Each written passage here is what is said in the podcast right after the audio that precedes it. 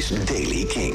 Vanochtend begint met regen, die trekt weg naar het zuidwesten. Dan komt vanuit het noordoosten vaker de zon tevoorschijn en wordt het ook droog. In de loop van de middag is er wel weer kans op hier en daar een bui... bij een temperatuur van een graad of 20. Nieuws over Liam Gallagher en nieuwe muziek van Queens of the Stone Age. Dit is de Daily King van vrijdag 12 mei. Michiel Veenstra.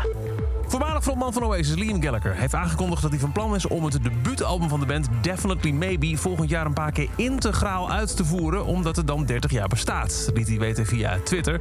En dan beloofde de fans dat ze hem binnenkort live op het podium kunnen zien. Hij heeft niet alleen plannen dus om Rock'n'Roll Star, Live Forever en Supersonic te spelen, maar nee, het volledige album in de originele volgorde.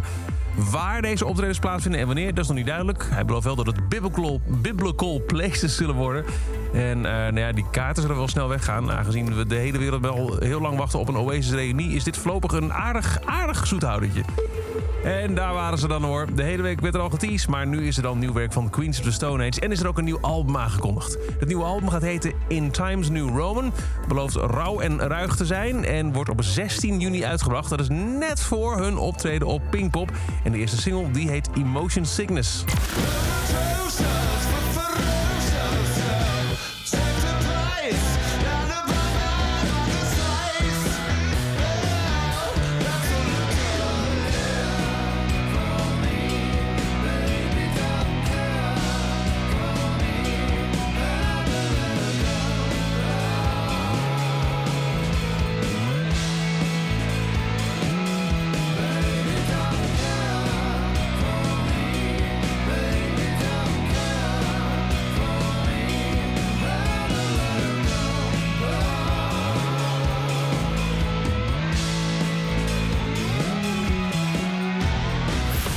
De terugkeer van Queens of the Stone Age, Emotion Sickness.